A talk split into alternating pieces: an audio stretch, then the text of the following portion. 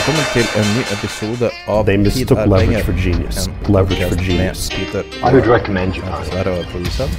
The government don't rule the world. I dag er det valgdag, Sachs rules the world. og det er marked har vært ganske mye ned i det siste. Betydelig økt volatilitet. I dag skal vi snakke, starte med markedet i dag som alltid. Går over til Peters Peter take på valget og eventuell, den, eventuell uroen som er knytta til det.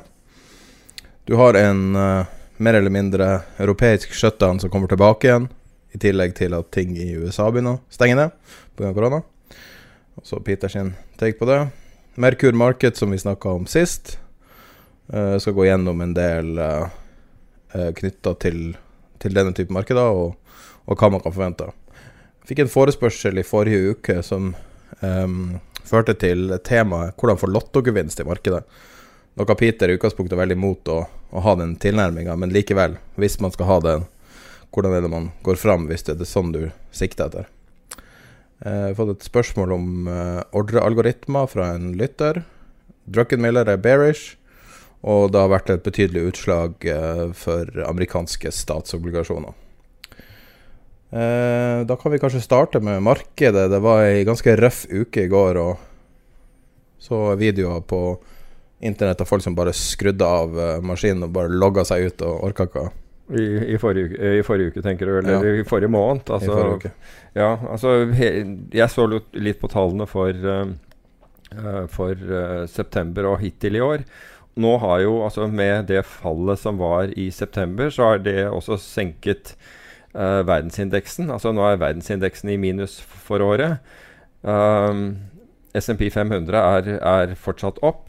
Men hvis vi ser på noen av, eh, av uh, utslagene, så er det interessant at Nasdaq er fortsatt opp 21,6% Altså nå tar vi eh, på siste dag i, eh, i september. Men samtidig så er Eurostox, altså de 50 største europeiske aksjene, er omtrent ned tilsvarende. Altså de er ned 21% i år i, Mm. i, i gjennomsnitt. Og hvis vi skal pare av to ting som er nesten like, nesten, så er det at eh, Shanghai er opp eh, 14, over 14% i år, mens Oslo Børs er ned nesten 13 eh, prosent. Så, så det er Du kan si det er ganske stor forskjell mellom markedene eh, i øyeblikket, og hvilke markeder som gjør det bra. Du kunne jo kanskje tenke deg at Kina, med all den kritikken som er blitt rettet mot Kina, ikke minst retorikken fra amerikanere, at de ville gjøre det spesielt dårlig når straffetoller og alt dette her begynner å, begynner å rulle. Men, men Kina er jo et av de beste markedene i år. Det er jo lett å kritisere Kina. Eh, og lett å si liksom at de har gjort ting eh, galt, og at, at eh, markedet deres er helt i, eh, totalt opaque, at det er ikke noe gjennomsiktig, og siden det ikke er lov å selge aksjer i praksis. Men når man tenker på resten av verden, så er det ikke så vanvittig langt unna med alle statlige pengene som pumpes inn. Liksom. Det bare gjøres på forskjellige måter. Det gjøres på forskjellige måter, og vi må også huske på at det var jo vanvittig begeistring da, da Kina åpnet opp for å få inn uh, uh, vestlige investorer og vestlige penger og, og den biten der. Altså, man, man kjørte på for alt det var verdt, og alle eh, de store investeringsbankene og meglerhusene åpnet da opp i kontorer i, i Kina. Så, men plutselig så ser man at jøss, Kina gjør det så bra, de begynner å utkonkurrere. Så har ja, Kina gjort en del ting som åpenbart ikke er så bra, og det er jo bl.a. Uh, intellectual property-rettigheter og den type ting. Altså med andre ord kopiert, kopiert uh, vestlig teknologi også. Ja.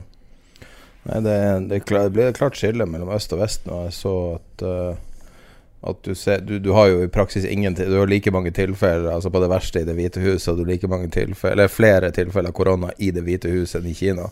Nye tilfeller.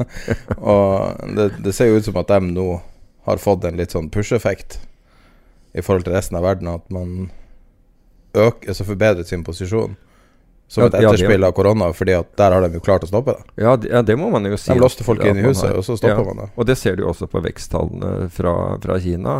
Det er akkurat det du sier. Ja. Så de, eh, har, de tok de mest drakoniske eh, eh, Eller iverksatte de mest drakoniske tiltakene. Og kan du si at de har fått fått uh, La oss kalle det et ut, utbytte av det, da. I hvert fall mm. relativt til land som da var sene med å sette i gang tiltak. Ja, for du bruker jo ofte å snakke om at du trenger ikke å outperforme nullen, f.eks., som en nasjon. Du trenger bare å outperforme andre nasjoner. Ja, nettopp. Altså, det er relativt som faktisk er viktig, og det gjelder også i, generelt i samfunnet. Altså hvis du, hvis du taper 10% et år, så kan det føles bittert og, og i, i, noen tilfeller katastrofalt. Men hvis eh, gjennomsnittet i samfunnet taper sånn som f.eks. under finanskrisen taper 50-60 så, så, har din relative posisjon styrket seg voldsomt. Og det gjelder jo selvfølgelig hvis du da skal gå ut og anvende pengene. Altså din, din kjøpekraft er blitt vesentlig forbedret i forhold til de aller fleste i samfunnet. Ja. Og det er den vi måler på. Eller måler etter. Så har du eh, de store tech-aksjene siste uka hadde det voldsomt hardt. Altså Twitter var vel på, på det meste 20% på dagen. Det var torsdag eller fredag. Og var det det? Ok, jeg, jeg så ikke den. Men det, det er jo voldsomt. Etter kvartalstall, da. Akkurat. Um, det er jo uh, Altså, det har jo vært en sterk, relativt sterk aksje de siste årene. Etter å ha vært helt uh, Twitter, da. Mm. Etter å ha vært helt grusa.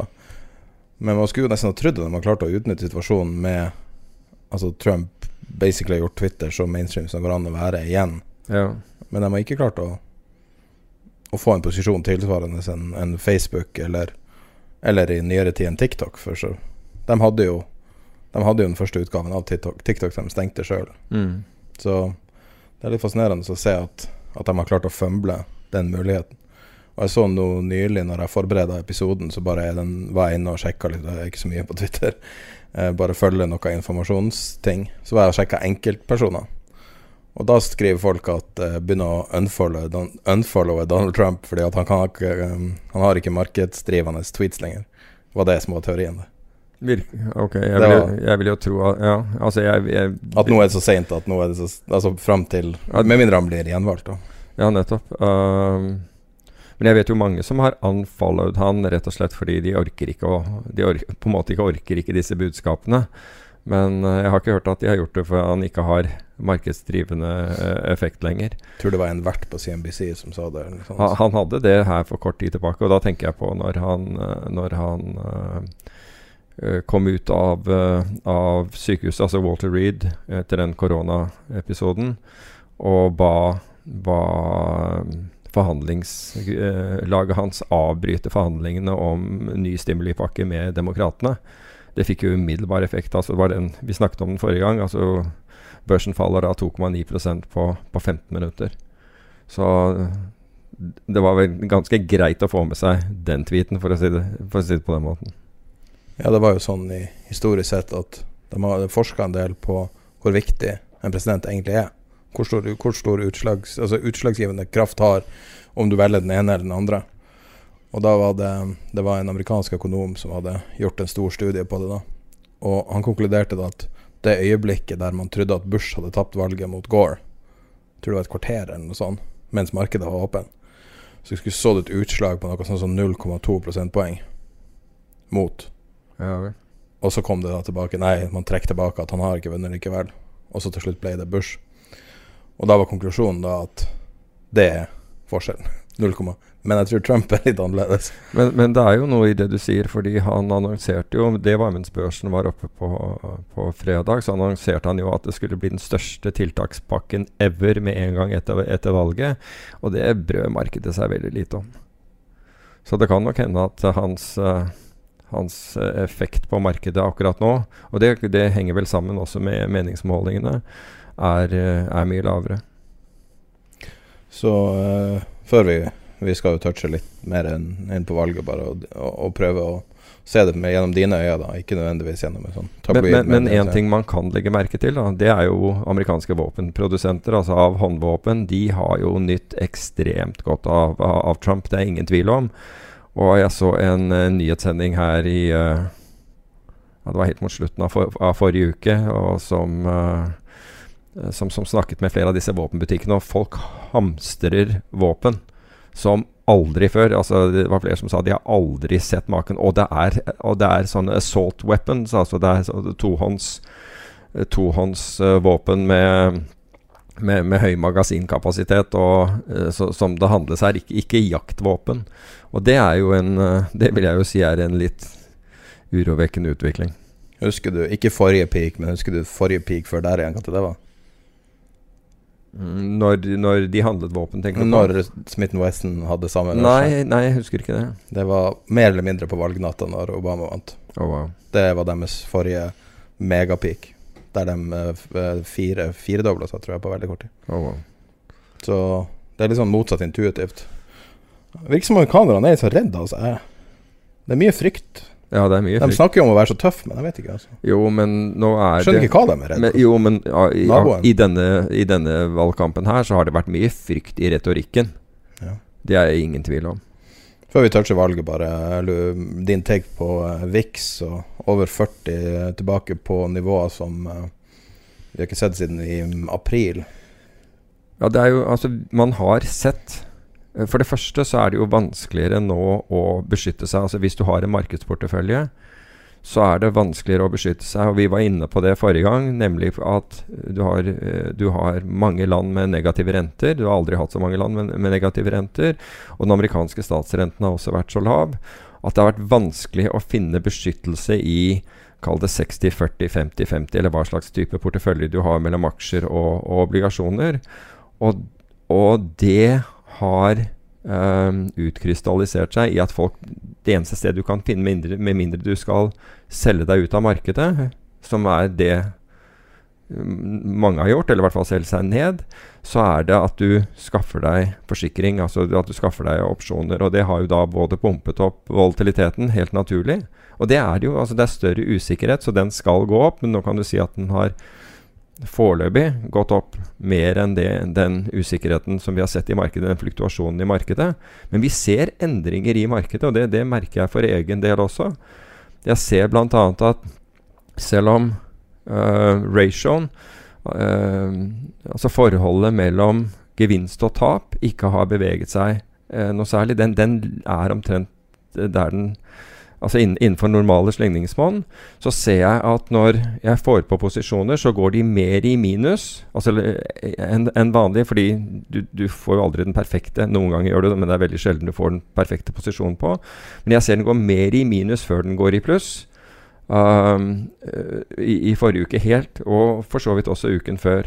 Og det gjør at jeg har valgt å være mer forsiktig og bl.a. kuttet ned posisjonsstørrelsen med, med en fjerdedel.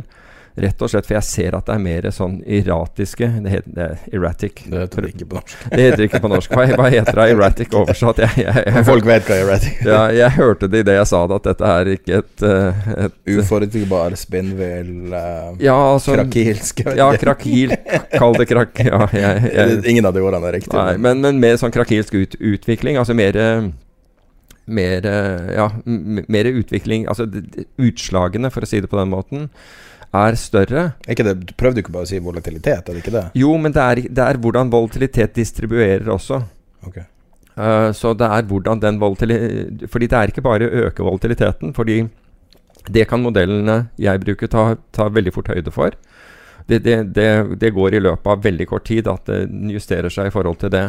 Men når selve distribusjonen, og nå skal jeg bli litt nerdete altså når, når, når du får det som heter exis-kurtosis, altså den du, halene, altså de Fete haler. ja, de ekstrembevegelsene, og dette er ekstrembevegelser intradag jeg snakker om, kan være i løpet av minutter. Når de blir større, de er vanskeligere å få justert modellen for, for det, det skjer veldig plutselig. Og så påvirker det en rekke andre aktører, ikke minst alle disse algoritmeaktørene, responderer på det og forsterker de bevegelsene. Mm. Så, så min, min, uh, mitt svar på det er, er, å, er å redusere Redusere eh, størrelsen på, på, på handlene, altså eksponeringen. Og være, enda, å være mer konservativ på, på signalene. Altså kutte ut signaler som ikke er ekstremt gode. Når du snakker om standardavvik eh, eh, Altså hvis du skal sette, oversette det til standardavvik, da. Hvordan, eh, hvor langt ut må du? Er det liksom to standardavvik, eller er det Nei, altså for du, å få den feite halen? Ja, du kan, du kan si den fete halen er vel egentlig i, i tredje standardavvik, for så vidt. Altså, du kan godt si at den andre standardavvik, som, som skal da omfatte 95% av alle bevegelser Men pr problemet mitt er at Eller problemet er at la oss si at Ja, la oss si som du var inne på nå, er at en bevegelse på over to standardavvik skal da inntreffe kanskje kun 5 av, av, av, tilfellene. Og mindre enn 1% av tilfellene skal vi gå tre standardavvik. Nå ser vi at, at, uh, at tilfellene hvor du, der, hvor du får disse bevegelsene, altså, er hyppigere. Og bevegelsen er større? Eller altså bevegelsen, ja, bevegelsen må være større, ellers så vil du ikke havne der ute. Men den, den bevegelsen er større, og det gjør at, at du kan si at den distribusjonen, altså si om du legger normal distribusjon som vi alle har i bakhodet, den på en måte ligger til grunn, um, så ser du nå at, at fasongen på den distribusjonen, som er egentlig sånn klokkeformet hvis, uh, for de som uh, har, har lest noe statistikk, den endrer seg slik at at halene blir fetere. Altså du har mange flere observasjoner ute i halene enn det statistisk skulle tilsi hvis du bruker en normalfordeling. Ja. Du vil jo selvfølgelig også merke det siden du gjør veldig mange handler, sånn at du da kommer nærmere ja. en klassisk kurve. da hvis du gjør tre handler, så vil ikke det Nei, altså, du vil ikke merke det. Nei, nei altså du, du, vil jo, du, vil jo, merke det, men, men jeg ser at, at, hyppigheten Du kan si at jeg ser at denne hyppigheten er signifikant. Altså at, ja. at den, er, den, er, betydningsfull, og noe jeg er nødt til å ta hensyn til. Mens hvis du gjør tre handler, så vil du tenke Oi, ja, det var jo ja, det var en tilfeldighet. Men jeg, den ene i midten og den andre til høyre og den til venstre, omtrent. Altså, ja, ikke sant? Altså, det blir ganske lavoppløst. Ja, ja, nettopp. Lave, er, er, utslagene Altså utslagene ute i de ekstremtilfellene er, er høyere enn det, eh, enn det eh, statistikken skulle tilsi, basert på en normaldistribusjon. Nå er vi langt inn i nerdeverdenen. Jeg beklager det for de, som, de som ikke syns at dette er kult. Men det fins det en term for den type forandring. Altså man har jo alfa, beta og gamma og teta og ja, delta. Det, det, er jo opsjonstermer, men du kan, og, og, som igjen ofte er basert på, på lognormal fordeling. Men altså, termen er at du får uh, Termen er exiskurtosis. Uh, Eksiskurtosis tilsier at, du, at, ja, er at halene blir fetere. Altså med andre ord, du får flere ekstremutslag enn det statistikken uh, tar høyde for, rett og slett. Eksisk tosis er en form for aktiv transport og bulktransport med, i celle... Ja. I energiprosessen til cellene. Ja vel, ok. Men, og hvis du har, leptok og, og, og hvis du har lepto leptokurtose, så, så, skjer den på den ene siden av, av, av distribusjonen, ikke på den andre. Interessant. Hvordan uh, behandler du det utenom å justere bet size? Altså det, for, for, Hvis du kan bare se på det på et annet begrep, vil, vil det være uh, økt varians? Er det det? Ja, det er det. Så det er et høyere varians det er, altså varians, miljø? Ja, altså varians er standard week squared, ikke sant? Så ja, så, så ja det, det, er det. Um, men, men, jeg Du kan si at det, er ingen perfekt måte å behandle dette på. Fordi vi vet ikke hvor Altså Hvis vi visste at dette ville være normalsituasjonen normalsituasjon over lang tid, så kunne vi, så kunne vi modellere det. Og, og, rett og slett bare ta hensyn til det.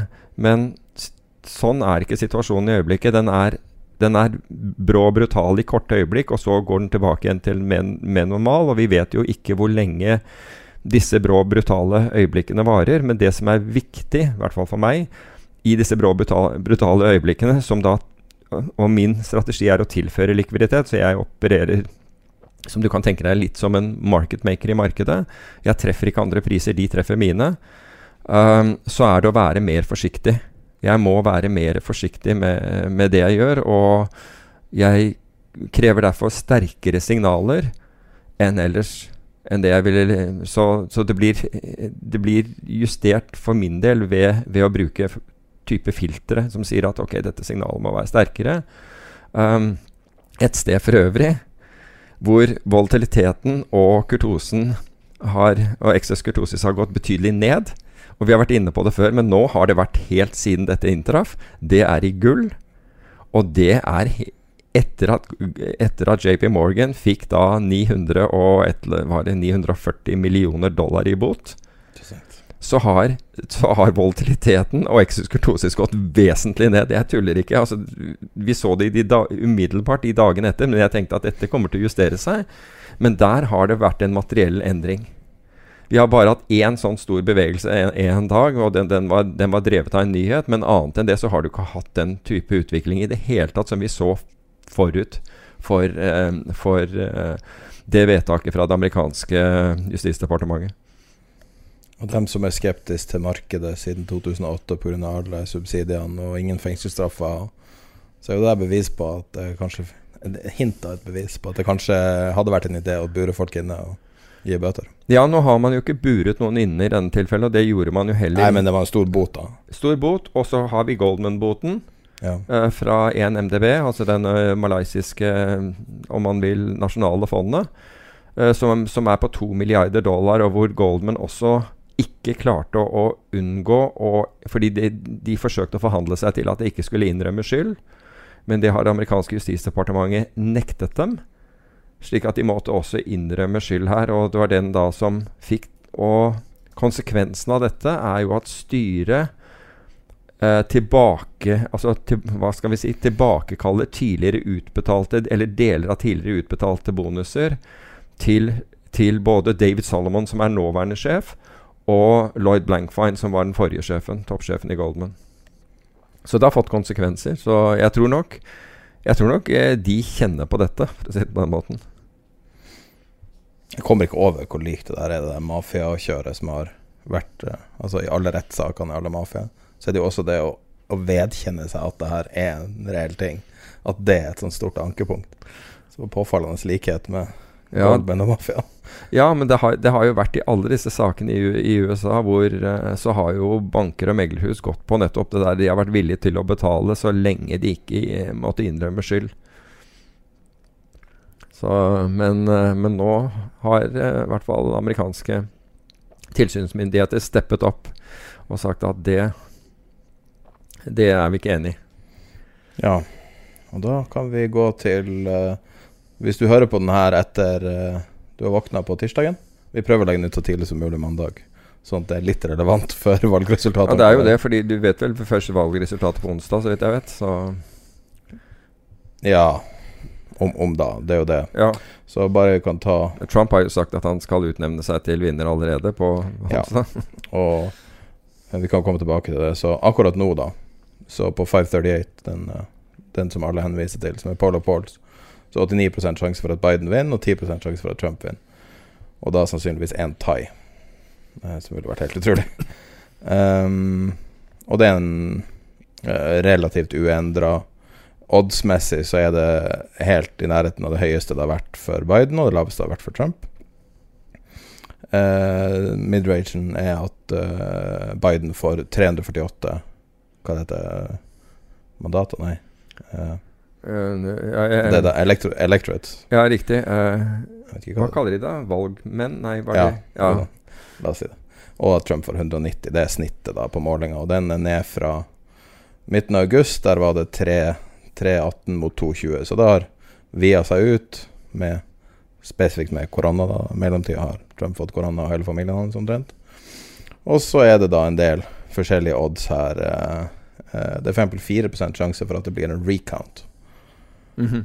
Jeg tenker deg hvordan det er men, men, jeg har sett på flere av disse meningsmålingene. Alle egentlig går på, på, det samme i større eller mindre grad. Men det som Altså tatt i betraktning 2016-resultatet, som var overraskende, ikke sant? Men, men som, det er jo innenfor statistikken at det kan skje. For altså, selv om du har en La oss si du har en 10 sjanse, så, så, vil det jo si at du, det inntreffer én av ti ganger. Men etter 2016 resultatet, hvor veldig mange av disse analysebyråene eh, fant ut at modellene deres ikke var bra nok. Altså de, de, de, de hensyntok da faktorer som dukket opp i 2016. Hvis de bommer denne gangen også Og det er jo ikke, det er på ingen måte sikkert at Biden vinner, men han har høy sannsynlighet, opplagt høy sannsynlighet til å vinne. Men hvis de bommer denne gangen over slik, også, slik at du har to bom etter hverandre med så klare odds, da tror jeg at det er vanskelig å selge analysene dine etterpå. Altså. Uansett hvem du er. Altså Med mindre du var den som klarte den i 2016 og klarer den nå, da, da tror jeg du får virkelig problemer. så jeg tror at dette er Dette er uh, wake-up call for uh, de ulike eh, de ulike eh, analysebyråene. Helt opplagt. Lever vi midt i historien nå? Eller er det her en sånn ting som er hypa opp ut av det uendelige, og så, og så kan ikke virkeligheten leve opp til forventningene? Folk forventer jo at, at Biden kommer til å vinne, og Trump kommer til å nekte å akseptere det. En fullstendig uh, stalemate. Ja, om det blir en stalemate ut, ut av det, men Spørsmålet er er det her hypa opp pga. at media er tjent med, og, og at, det, at ting er hypa opp? Har, altså jeg vil jo si at altså På den påstanden du der at Trump ikke er villig til å godta det Han har jo sagt det selv også. Han har jo gått ut og nekt Eller han har ikke sagt det, men han har nektet å kommentere hvorvidt han vil akseptere det. Jeg vet ikke om du husker at i 2016 var det jo samme påstand. At hvis han tapte, kom han ikke til å akseptere det. Ja, jeg hørte aldri Jeg kan aldri huske å ha hørt han si at det, det kommer jeg ikke til å akseptere. Altså, jeg tror at ja, I 2016 tror jeg at han forventet å tape, for å si det på den måten, og, ble, og våknet opp og ble ordentlig overrasket. Og det, er, det for øvrig er jo også tema i en av bøkene. Den 'Fire and Fury', den, den handler vel akkurat om om det. Uh, altså han, han, var jo ikke klar over det, og det, det oppsto jo total panikk på en måte i den leiren, fordi de hadde jo ikke forberedt noen overtagelse i det hele tatt. Og, og denne, selve overtagelsen av The White House det skjer på et tidspunkt. altså Da, da går den gamle administrasjonen ut, og den nye kommer inn.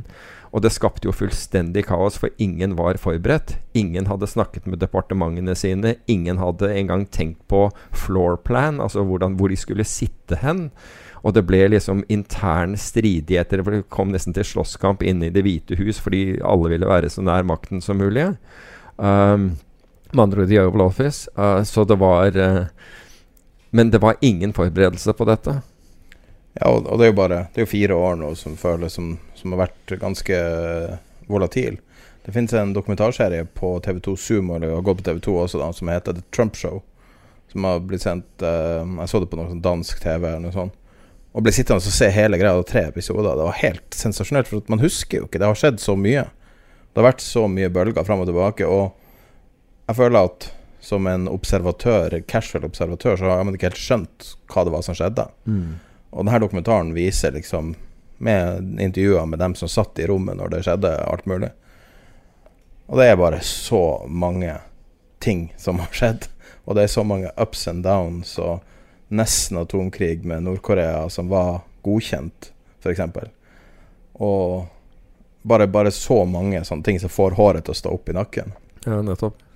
Uh, uten at man Altså, man trenger ikke å være noe politisk den ene eller andre veien, men den, det dramaet og de høye, den høye stakesen gjør det spesielt. Men jeg anbefaler den uh, The Trump Show da på TV2 Sumo. Jeg har, har, dessverre ikke sett den, men, men jeg må jo si det at dersom Trump skulle tape nå, da tenker en, altså, da, da jeg det kommer en del bøker i kjølvannet av det.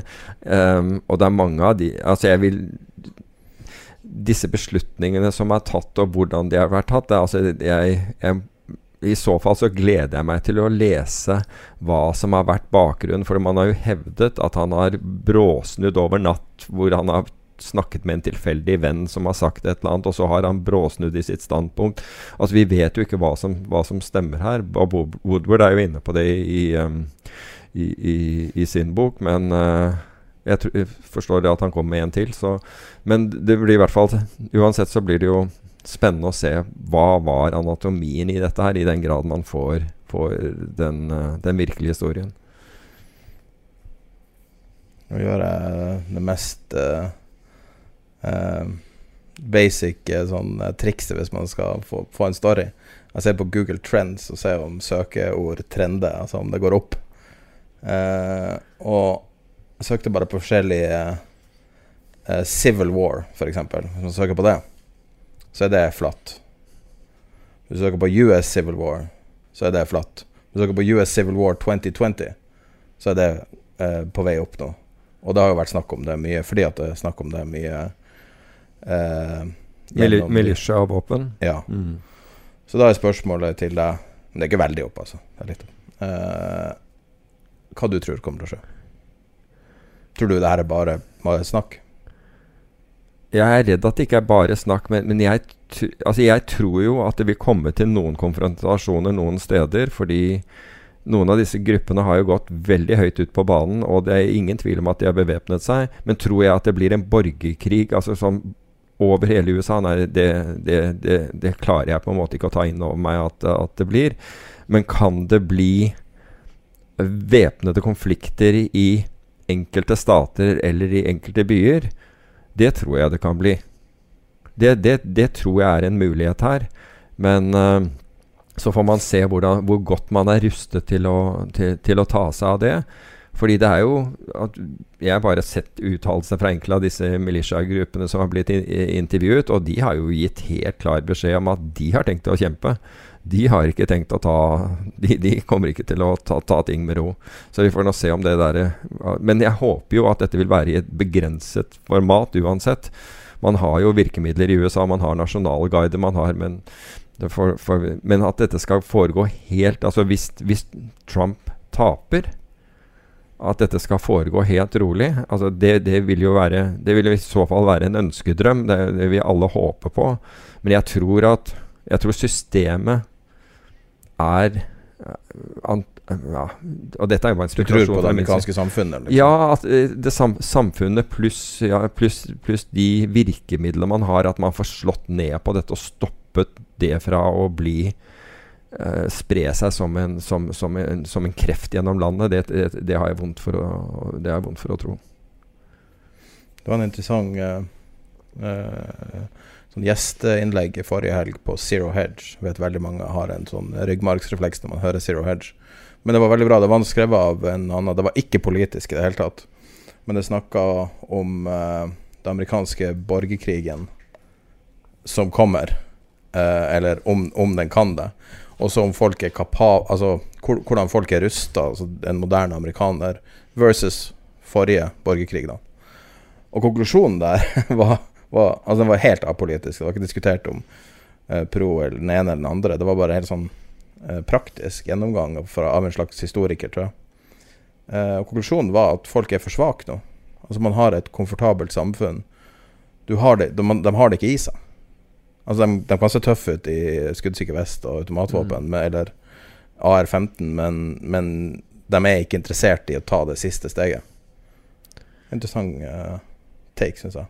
Ja, jeg, håper jo at du har rett, at man ikke Nei, er det. var det det sto der, da. Ja, men jeg håper jo virkelig at du har rett, at, at man ikke er det. Uh, men altså, vi ser jo nå i går, eller hva det var, 1.11., så kommer det en story fra North Carolina der politiet peppersprayer Her, her er overskrifta, da. 'Police officers in North Carolina pepperspraying demonstrator marching to the polls to vote'. Så det er liksom både en demonstrasjon og på vei til stemme. Det er jo sånn uklart akkurat hvordan det var, da. Ja. Men politiet mente at det her var så farlig at de måtte pepperspraye dem, da, som er ganske voldsom ting ja, det, å gjøre det høres, på dagen før valgdagen. Liksom. Når du er på vei til, eh, til, å, til å, stemme, høres, høres, det mer enn voldsomt ut. Men uh, vi hadde jo den der uh, incidenten som var vist på norsk TV, hvor, uh, hvor Biden-kampanjen ble, ble, omringet av, av pickuper. Bevæpna. Det, det så ut som IS, altså. Altså Det ga i hvert fall meg den uh, altså det, det, gikk jo tilbake til Islamisk stat. altså Når du så de de, uh, altså de kalles jo technicals, disse, disse, disse pickupene man bruker i Midtøsten. Der har du jo Toyota ja, det, er bedre, det er litt bedre pickuper der enn i USA. Ja, ja, ja. men, men, men disse, det, det, kalles technicals, for de har ofte ikke sant, det sitter en gjeng bevæpnede folk på. Um, wow. Og technicals er, er, legale mål for øvrig. På, uh, hva var jo det i Syria? Det, altså uh, hva heter det, allierte luftstyrker. Altså, så de disse her, så, så kunne de engage. da. Um, men du så den ble omringet av, av det, Altså, det var det uhyggelige med, med den lille filmsnutten. Den ga på en måte assosiasjoner til, til Midtøsten. Uh, med, med, med, disse. Men det, det, var min take på det, da, for å si det, si det på den måten. Jeg syns det var uhyggelig. Um, det at man forsøker å å spenne bein på andre som skal stemme og sånn, det, det, Altså hvis man gjør det med, med, med Altså ikke væpnede midler, men uh, det å liksom blokkere en buss eller noe sånt, det er ikke så dramatisk. Men når du, når du gjør det med, med en bevæpnet styrke, da, du, da føler jeg at har eh, At eh, innsatsen har blitt en del høyere. Altså Da har du lagt mye me- mer, mer på bordet.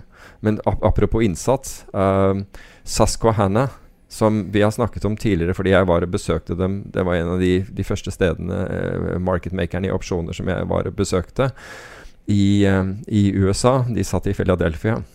Susquehanna stiller De stiller odds Altså, de stiller De er villige til å ta eh, bets altså fra, fra, fra publikum på opptil 100 millioner dollar På hva? på, på valgresultatet. Så de stiller, de stiller eh, altså, som marketmaker der. Og så viser seg Hedger de seg i det der åpne bettingmarkedet? Jeg vet ikke hvordan de Men dette er smarte folk, for å si det på den. Veldig smarte folk. Og, men måten de har gjort det på For det har du ikke lov å gjøre i USA. Du har faktisk ikke lov å, å, å drive den type ting. Men Sasko Hanna interessant. Susquehanna 100 millioner opp på én? opp til 100 millioner dollar er de villige til å ta. Og, men, men måten de har gjort det på, er at de har brukt sin, sitt irske datterselskap, Dublin eh, dat datterselskap, til å klere tradene, slik at de bryter ikke amerikansk lov. Så eh, Jeff Jazz er, han er altså, tidligere blackjack- og pokerspiller, så Og Saskohanna har, eh, har vært flinke. År ut og år inn. Men, så de vet nok hva de gjør. De, vet, de, de har definitivt en måte å legge risken på. Det kan jeg Ja, så risken må jo være det predicted, som er den nye intrade, eller hva det heter. Nei, jeg vet ikke. Sånn prediction betting. Ja, skjønner. Eh, og så har du de her bettingplattformene som er sånn eh, Fungerer nesten som en dark pool. Ok. Eh, og det tror jeg også du kan gjøre presidentbet på. Så, Aha. så det, er jo, det er jo markedsplasser som er da åpen. Men, men, men Susquehanna har definitivt eh, klart å, å finne en måte å legge av denne risken på. Men, eh, men et bet size altså opp til 100 millioner dollar, det er jo så det holder òg, da. Ja, og altså JP Morgan har laga en Trump-basket og en Biden-basket som de anbefaler basert på utfallet. Men for meg så føles det litt som marketing og ikke så veldig mye som investering når man begynner å se på det på den måten. Ja, men når du har sånn som Saskohana, de er villige da til å ta den andre siden av Ja, det er bet. De. Det er da, da, 100 millioner. da, er ikke, da er det ikke bare marketing, for å si det på den måten. Da er du Hvor mye tror du de klarer netto-hedge, da? Man skulle jo tro at basert på at det er en popular vote som er skudd mot Biden, Ja, så klarer de ikke å netto-hedge alt, at ja men du kan si noe, Det vil jo bestemme oddsene, ikke sant? ja. Så, så du kan si de styrer jo dette her med med, med oddsene. Altså, det, bare for å ta en lang dis, eh, digresjon fra dette her Da, da eh, marketmakerne på Oslo Børs nektet jo å stille, eh, stille priser på Norwegian-opsjoner fordi man ikke kunne gå short. Ikke sant? Man kunne ikke gå short, og de mente de kunne dekke risken. ja, for siden. Ja, da, altså det er jo den prisen du stiller, som er Altså, du, du justerer jo bare prisen etter tilbud og et etterspørsel. Det er marketmaking. Ikke det at du er garantert å tjene på hver eneste handel. Men det, alt de hadde trengt å gjøre, var jo å flytte prisen på Norwegian ned til et nivå som klarerte markedet hvor det var like mange kjøpere som selgere, eller hvor det ble flere kjøpere enn selgere, eller hva som helst. Så hadde de klart å lage marked. Så det er ingen unnskyldning at du ikke kan gå short aksjer og, og, og ikke lage et opsjonsmarked. Vi, vi kunne, da opsjonsmarkedet begynte i 1987 og, og ble offisielt i 1990, så kunne du ikke shorte, short aksjer da heller. Men det forhindret oss ikke fra å lage et marked. Var, det flere, var det flere selgere, så flyttet du bare prisene dine ned til du klarerte markedet på et eller annet nivå. Så Og det er det da øh, Altså Susquehanna, som er da eksperter i marketmaking, det er det de gjør. De passer på å klarere, finne et nivå hvor dette klareres på. Så hvor, hvor oddsene, i dette tilfellet, for det er det som bestemmer her Hvor oddsene er sånn at noen er villig til å Ok, her klarerer vi markedet. Her ser vi at på denne oddsen her så kommer folk inn på den andre siden og tar den andre, øh, andre siden av, av bettet. Mer komplisert er det ikke. Den gamle redaktøren av VG fikk en gang spørsmålet for en sånn 15-20 år siden. Hva er forskjellen på VG og Se og Hør? Fordi at VG da hadde momsfritak, og Se og Hør ikke hadde det. Og så sa han vi kommer ut hver dag. Okay. Og da er spørsmålet hva er forskjellen på et bet og en trade? Aha. Jeg trodde han skulle si at Gard Steiro har ikke begynt ennå. Men det var ikke det, altså. I VG. Men hva er forskjellen på en bet og en trade? Egentlig. Prinsipielt? Begge deler, ah, ah, begge deler har, har ja, altså, Det, det fins en matematisk forskjell, ikke sant? Fordi en bet er jo da en binær Har et binært utfall. Binær opsjon, da. Ja, da har du et bet. Binær opsjon har, har du et bet. For en, si fordi det er null eller én. Forskjellen her er jo selvfølgelig om du har mandat til å investere i det. da Altså Ja. et uh, hvilket som helst norsk fond vil du ikke ha mandat til å gjøre noe bet med Susquehanna. Nei, de har, ikke, de har jo ikke linje med Saskatchewan heller. Nei, ikke sant. Det, det, vil ikke, det vil ikke De snakker to forskjellige språk. Men når man ser på hva produktet er mm. Så hvis du har uh, prediction trading, som de kaller det, Ja, ja. prediction betting, eller du har et sportsbet uh, Om du har en edge der, eller Altså, det er jo samme gate, men Ja, det er det. Det, det kan godt som er rundt, gjør at de ikke snakker samme språket, sånn du kan ikke putte det inn i en portefølje. Nei, men, men du skal ikke, jeg vil ikke utelukke at, at, at uh, internasjonale hedgefond, hvis de har behov for, for å, å gjøre noe altså ha, hvis, de, hvis de ønsker å ha en posisjon på utfallet av dette av uh, amerikanske valget, være seg at de, de kan tjene på det eller ønsker å, å begrense tap, at de kan gjøre noe sånt, det kan godt hende. Mot en slik motpart som, så, som henne Man kunne jo laga en SPV, kanskje. Ja, jeg tror, jeg tror ikke de trenger en SPV. Ja, men Hvis du vil selge det videre. Ikke sant? Uh, Så kan du har- gjøre et 100 millioner bet på, på Trump og selge det ut som at du uh, som dobler strukturert, pengene. strukturert produkt. Ja. Ja. Det hadde kanskje gått. nå, begynner oss, nå begynner folk å sikle, sikle i markets i DNB med en gang. Var det DNB som starta med strukturerte? Ja, de var veldig tidlige. Mm. DNB er litt sånn ulv i fåreklær. Altså. Ja.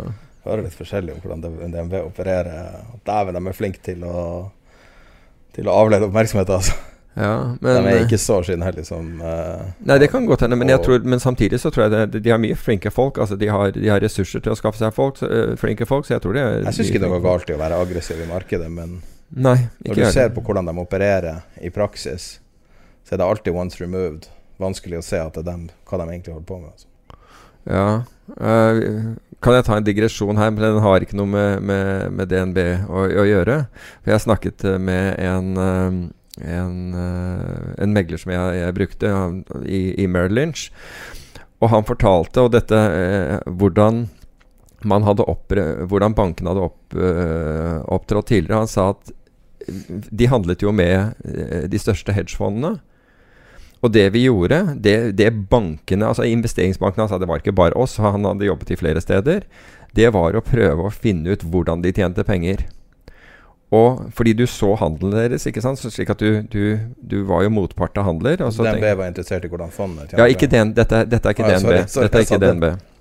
Men, men hvor, hvordan disse bankene holdt på Han sa, sa at det vi gjorde, var jo på en måte å lytte hele tiden. Vi handlet med Det var det som var viktig med å handle med alle disse som De store fondene. Det var, det var for oss å prøve å finne ut hvordan de gjorde det. Når de fant ut hvordan de gjorde det, så begynte banken å gjøre det. Begynte banken rett og slett altså Han sa vi, vi stjal jo rett og slett modellene deres. Og begynte å gjøre det samme selv. Han sa long term capital management var jo den beste eksempelet på det. Fordi alle motpartene der satt og gjorde akkurat det samme som den, den, den gjorde.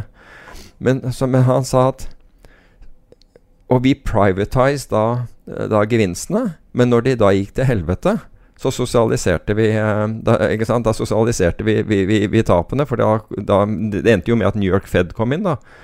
Men det de da gjorde når, når, når det begynte å gå galt Var ikke det Du sosialiserte det mellom meglerhusene og bankene? Ja, altså, Ja, egentlig så gjorde de på den måten. Altså, det var ikke man- New York Fed som betalte? men- Nei, New York Fed betalte ingenting. Men de, de krevde i, under finanskrisen så ble det jo, ble det jo ble, gikk, sosialisert. Altså, gevinstene var private. Eh, samfunnet tok, tok, eh, tok blamen. Men du vet hvem de eneste som ikke deltok i LTCM-bailouten? Ja, det var, det var. Så, Mm. ja. Og det var grunnen til at de ikke ville baile ut Lehman Uh, ja, det hevdes å, å, å være det. Men det som, det som han for, fortalte, det som skje, det man gjorde Han sa at det, det man gjorde, var å kopiere. Først så kopierte du og fant det ut selv. Bankene holdt på med det. Men, men det var også måten din å gå fra å være selger til, til propdesken. Mm. Det var at du, du begynte å, å fortelle propdesken hva de skulle gjøre. Og så, og så fikk du tilbud om å jobbe der. Så jobbet du på propdesken.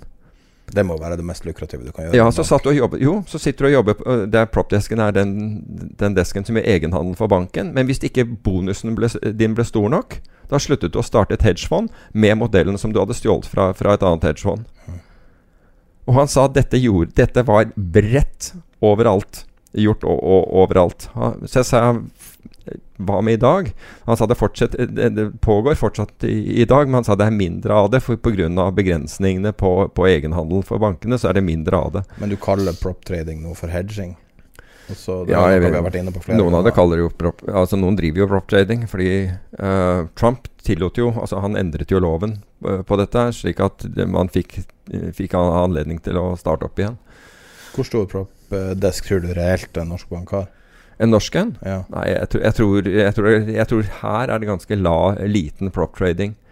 Uh, i øyeblikket. Uh, men jeg vet om måter som gjøres der. Det har jeg ikke tenkt å begynne å, å snakke om, men jeg vet at, det er, det, at man har klart å omgå Ja, ja det er det jeg mener med å Man kaller det hedging. Altså. Ja, det gjøres noe annet, men, uh, men hvor, hvor, det skal være en Og, og den har visst kjørt hele tiden. Så, mm. Men jeg skal ikke nevne hvilken bank dette her er, eller, eller noe, men jeg vet i hvert fall at det, er, at det er, har vært omgått. Jeg liker jo å tro at Finanstilsynet hører på podkasten og, og uh, gikk etter uh, Begynte å uh, vifte, vifte hendene etter Merkur Markets nå siste uka. Etter vi snakka om det. Men det er jo veldig mange som har tatt opp Merkur, så kan ikke ta æren for den. Ja, ja, ja. Jeg, jeg så det at de er, de er kommet på, på banen. Uh, egentlig så er jeg veldig imponert at de klarte å komme på banen så raskt. Ja, altså. Det er en veldig viktig sak. Prinsipielt viktig sak. Ja, så Det er mye folk som ikke skjønner hvor mye risiko de tar, og det er viktig. Det er jo det, det som er rollen til tilsynet, å forklare det. Men vi har hatt veldig mange henvendelser om det. Mm. Veldig mange som har tatt penger på det, og veldig mange som har til at vi skal ta opp og osv. Mens jeg sier at ta nå gå, gå Altså det er, det er, Dette er et, et, et altså investorer og, og megler, altså meglerhusene og markedsplasser er regulert i Norge, ta nå det opp med rette vedkommende, som er Finanstilsynet. Og jeg, jeg, vil anta at det er mange som har gjort det. Før vi går til Merkur, så kan vi bare eh, notere at det er shutdown i mange land nå. Eh, I forskjellige grader. Um, og du har, eh, når du ser på korona da, som har hengt over oss, ei klam hånd og et Hva det blir? Ti, ni måneder? Ti måneder? Ja, ti. Uh, og for et par dager siden, 29. oktober, så pika det på 548 000 nye tilfeller. Men det som er litt mer urovekkende, er at antall døde begynner å klatre globalt. Mm. Så 7500 som dør om dagen. Eh, Kina, eh, Thailand, Vietnam, alle de her in, alle de uh, sørøstasiatiske landene, med unntak av Jeg vet ikke om India og Sørøst-Asia, men uh, unntak av India, så har jo Asia kommet seg veldig tilbake. Mm. Um,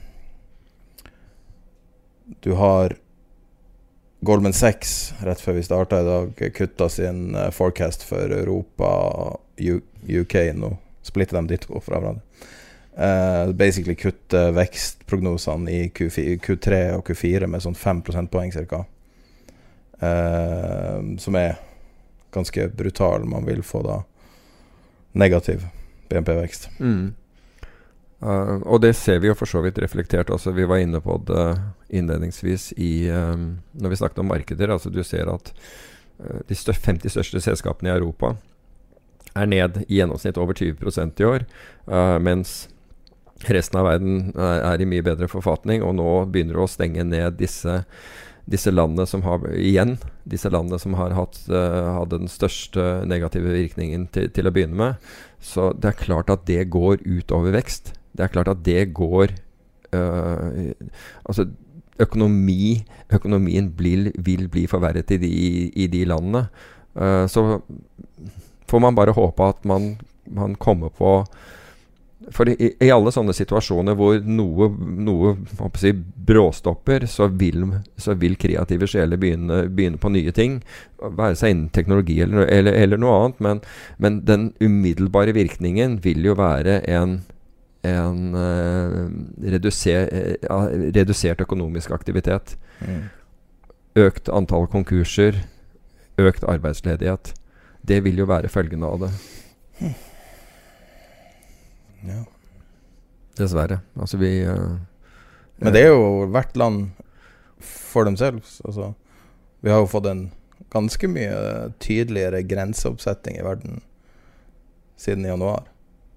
Hvor vanskelig det er å komme seg rundt, og hvor mye større bøyg det er. Ja, Spørs om det her får en betydelig påvirkning på globalisering og diverse andre. At det får en betydning, det er helt utvilsomt at det gjør. Mm. Helt utvilsomt. Men, men det gjør jo at, at, ting går nye veier, ikke sant? Altså, Ja. det, er, det, er, det er det vi vil se av det, og det er hvor fleksibel du er til å håndtere det, som kommer til å bestemme hvordan du, hvordan du kommer deg ut av dette. Er du bekymra for situasjonen i Norge? Um, jeg syns Norge tilpasser seg veldig godt. Altså, det eneste stedet jeg bekymrer meg litt for, det er at det begynner å bli veldig politisk nå. Og nå hadde vi jo den der debatten i, um, i, i forrige uke hvorvidt regjeringen skal kunne uh, bestemme som den gjør, altså kunne fatte de tiltakene uten å involvere resten av, av Stortinget. Og da svarer jo Bent Høie med at man hadde jo vedtatt en lov på forhånd. Eh, hvordan man skulle opptre. Og la oss nå vente til etterpå.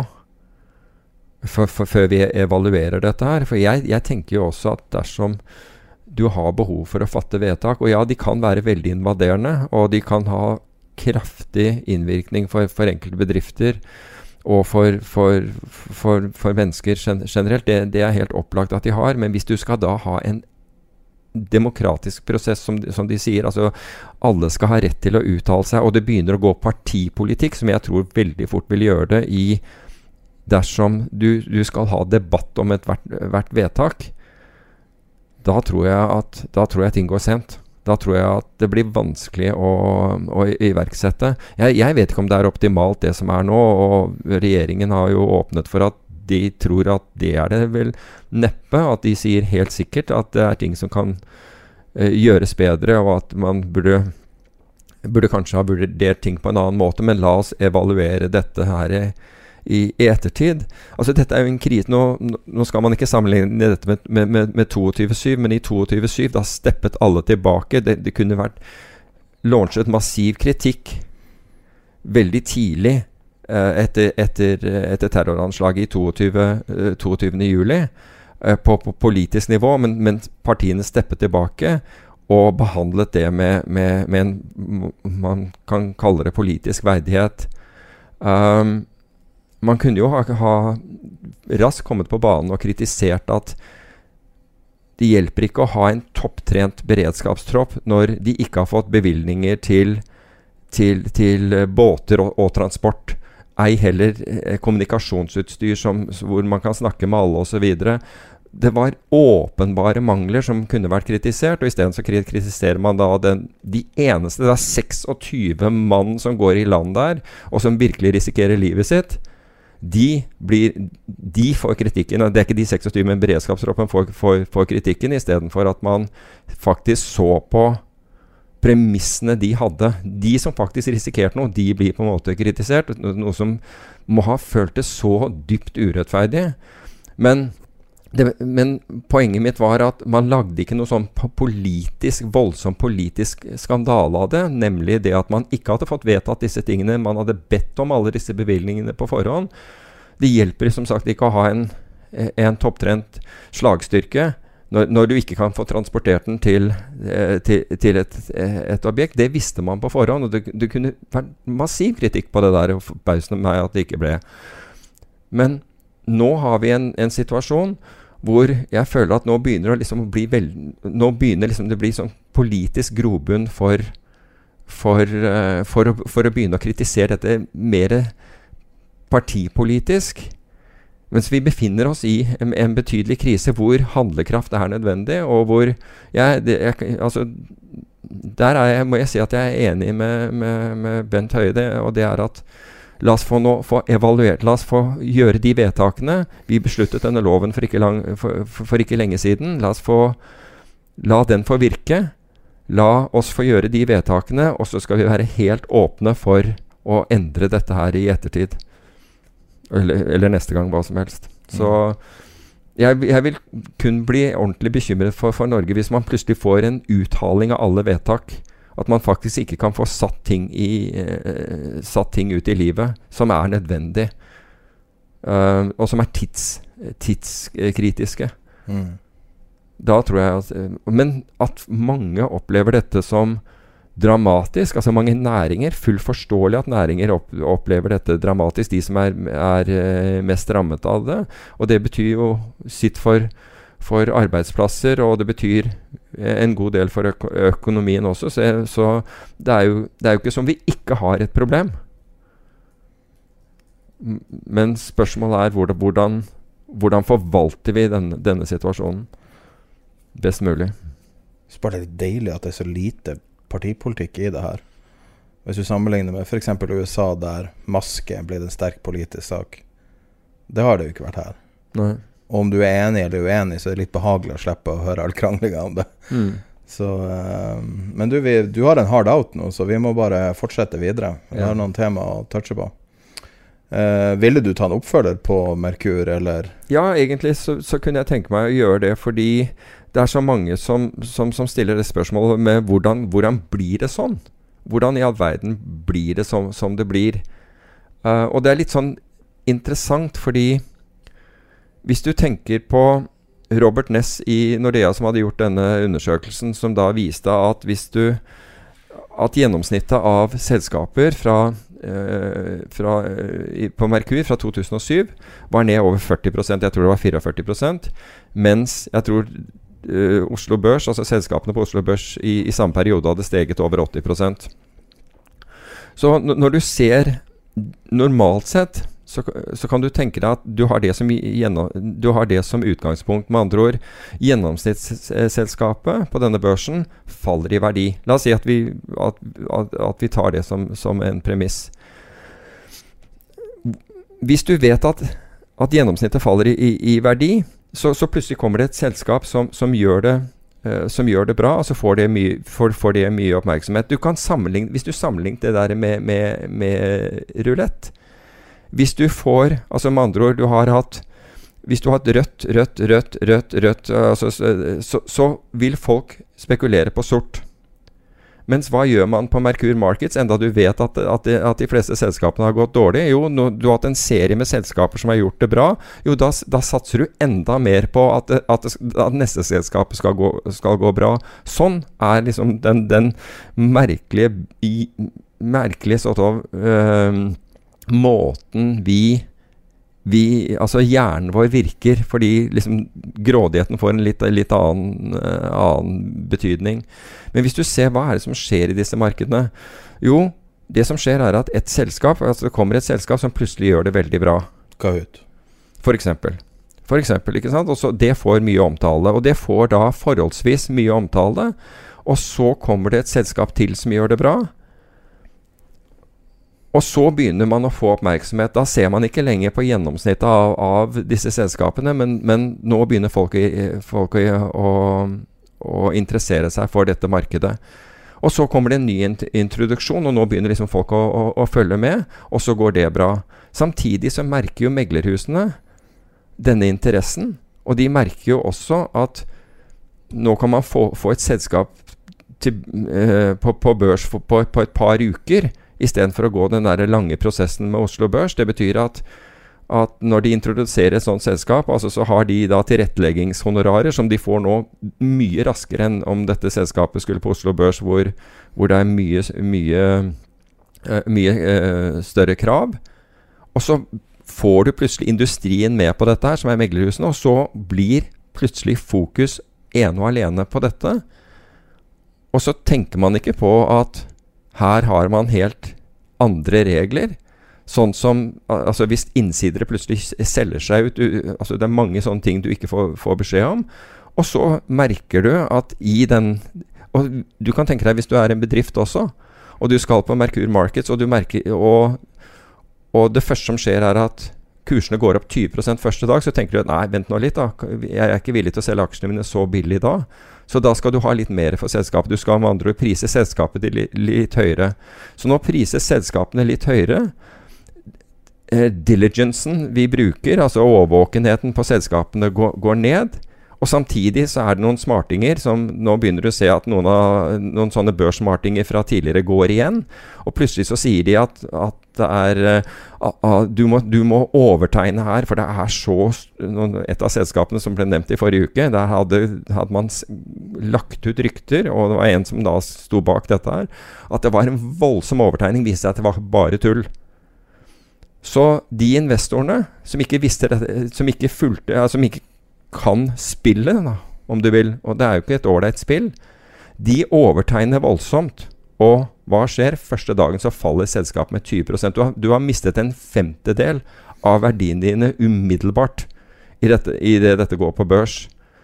Og det er klart at det er ikke en ålreit greie, men det er på en måte anatomien i disse markedene er sånn. Det er, det er liksom anatomien til en hype, på en måte. Det er anatomien til, til, en hype. Vi ser dette om og om igjen. Og er eh, Optikum, Tomra Jeg vedder på at overlappen mellom aksjonærlisten på de her selskapene på det mest ekstreme er nok ikke ubetydelig med Merkur Markets nå. Nei, og, og, var det Endre Jo Reite som gikk ut i, i Dagens Næringsliv? Altså han er, i, han er, leder for jeg tror det er det privatmarkedet i BN Bank. Han er finansanalytiker og, og kjemiker, ifølge artikkelen. Og han sa at, at, at, det er analytikerne Det er umulig å holde det de lover. Altså Analytikerne skriver så optimistisk om dette her at det, at, at det har ingenting med, med, realisme å gjøre. Han nevner ett selskap. Jeg skal ikke gå inn på Jeg skal ikke nevne enkeltselskaper. Men det er på en måte en hel industri som pumper dette her opp, og så er det en del som da kommer løpende til, som, som har vært liksom smartinger fra, fra markedet, å, som da innser at her har vi sjansen til å, til å, å få, få, betalt for, uh, for uh, Få voldsomt betalt for, for luft, fordi vi har, vi har, egentlig ikke noe, vi bare vi hyper dette her opp. Og, i, og forrige gang så tror jeg var det Jeg lurer på om det var i vår forrige sending så snakket vi om noen fond som hadde gjort det veldig bra. Noen hedgefond som hadde gjort det veldig bra i, i september. Um, og da var det en megler som ringte meg og sa du vet jo hvorfor de, disse gjorde det bra. Uh, nei, jeg sa, for det visste jeg ikke. Nei, Det var fordi de hadde, fått, de hadde tegnet seg i emisjoner som de har fått beskjed om at her er det enorm eh, interesse. Så de hadde overtegnet, og så hadde de liksom klart å selge ut. Så de hadde fått liksom beskjed om at bøkene er utrolig At her er det enorm overtegning. Så, og siden de er gode kunder av meglerhusene, så fikk de da, fikk de da, var, fikk de da en, en, tildeling som var eh, gunstig, slik at de, kunne, at de, kunne, utnytte det. Så du kan si at her, her, dette er et sånn mikrokosmos som drar i gang, og som ruller og går.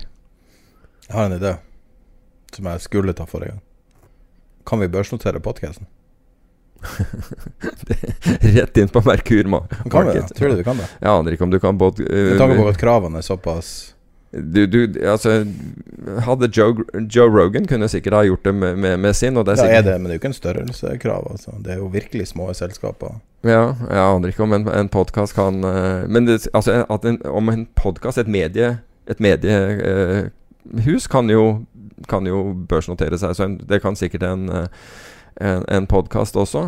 Jeg så at uh, Men, jeg, men du Stiftet AS, da? Jeg så et annet selskap, og de hadde, de hadde Hva var det de, de, forventet å tape 77 millioner i år. Hadde aldri tjent penger, men de skulle verdsettes. Jeg gidder ikke å nevne hvilket det er, fordi liksom, jeg kan ikke nok om selskapet til det, og jeg vil ikke disse et enkeltselskap. Men verd, verdsettelsen er 3 milliarder. Mm. Det kan godt hende at det er verdt det og mer, for alt jeg vet, men liksom sånn umiddelbart så tenker du Really? Jeg tenker formuesskatt når jeg hører det, men Ja. Ja, fordi uh, men, uh, men, det er klart at hvis du kan få flippet noen av disse aksjene til den, den kursen, så er du jo sikkert uh, mer, mer, enn fornøyd. men det her er veldig fin flyt over til neste men, tema. Men får jeg bare ta én ting om Merkur? Og det, det, er at det vil også være gode selskaper her. Det er helt opplagt selskaper med inntjening, og de kan nå altså Fordi nå har du fått en Nå har folk begynt Altså når du begynner å tape en femtedel av pengene dine på dag én, så vil investorer flykte ut av dette markedet. Altså Det vil være nesten en binær sak.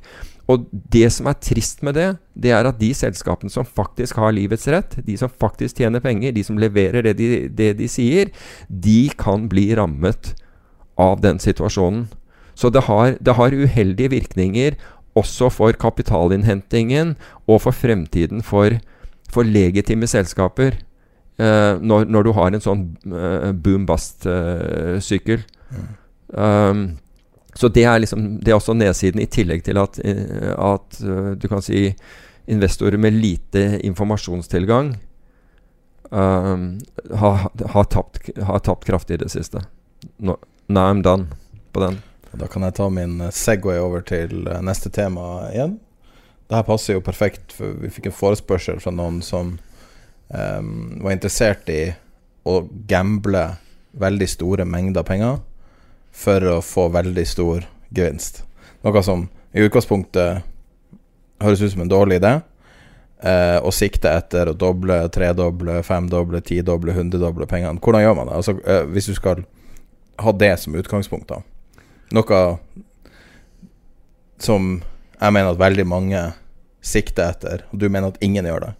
Nei, jeg sier ikke at ingen gjør det. Det er sikkert, det er sikkert mange som gjør det. Jeg ja, bare sier at, ja, jeg sier bare at de som henvender seg til meg de, Jeg har aldri fått en henvendelse på, på akkurat. Jeg, jeg, har fått noen henvendelser hvor folk har nettopp har tapt veldig mye og prøver mm. å få det tilbake igjen veldig fort. Om det fins noen måte for å gjøre det, og det er kanskje litt inne på det du gjør, men, men Uansett omstendighet, hvis du har 1000 kroner, 10 000, eh, 1 million, 10 millioner Hvis du har lyst til å go for broke mer eller mindre bokstavelig. Hva, hva, gjør du? Hva er den beste måten å eksponere deg for maksimale oppsider? Og du, skal, og du skal, da gjøre det lovlig, går jeg ut ifra? Ja. Um, altså Saken er at sannsynligheten din er veldig liten for at du skal få det til, uansett hva du gjør.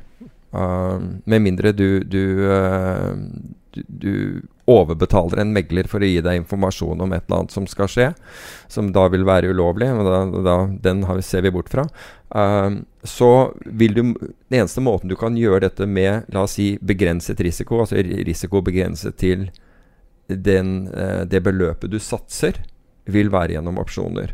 For hvis du uh, Hvis du f.eks. kjøpte en aksje så, så, kan du risikere altså Du kan selvfølgelig risikere at den går, går, til null, men i opsjoner så vet du nøyaktig hva, hva, hva tapet ditt uh, kan bli. Det er nemlig den premien du betaler.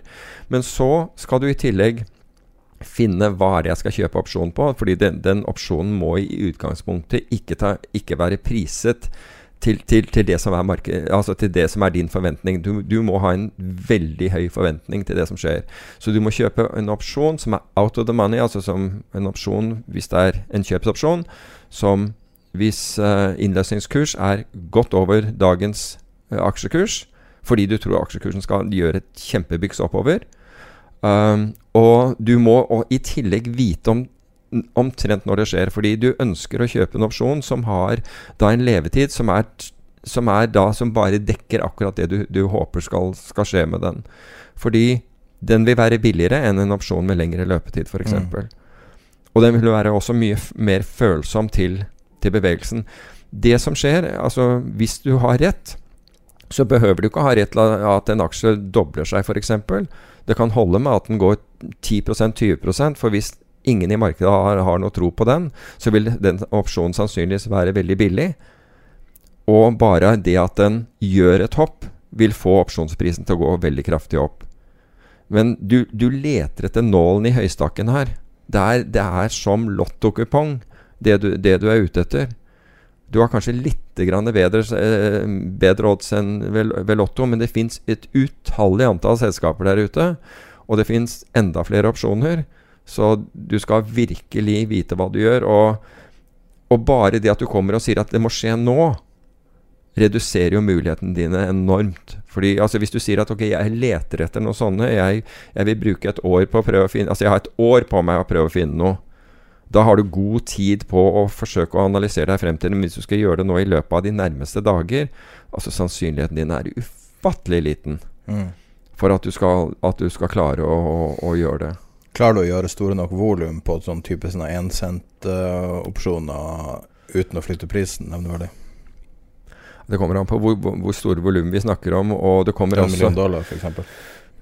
Ja, det, ja, det kommer an på hvor mye de andre opsjonene i dette selskapet handles. Uh, fordi det, det man vil Altså Til å begynne med så vil du sikkert få et ålreit beløp som du, du, du kjøper, fordi du Det er ingen som tror at dette vil skje. Så la oss si at du, du klarer å, å, å handle opsjonspremie for noen hundretusener eller et eller annet sånt. Uh, hvis du alene driver og pumper løs på én enkeltopsjon, så vil da marketmakere, altså de eller andre i markedet, si at ok, men da er disse opsjonene på samme selskap billig i forhold til det, så de vil selge deg den opsjonen og kjøpe disse andre. Så på et eller annet tidspunkt så vil du begynne å flytte markedet oppover, for for all del, fordi nå har eh, marketmakere og andre behov for å sikre seg, eh, og, å og sikre seg fordi det er grenser for hvor mye risiko de kan ta på, på, på selv noe som de ikke tror kommer til å skje. Klokka er tolv nå, bare sånn du vet det. Den er god. Kjører 15 til. 15, ok.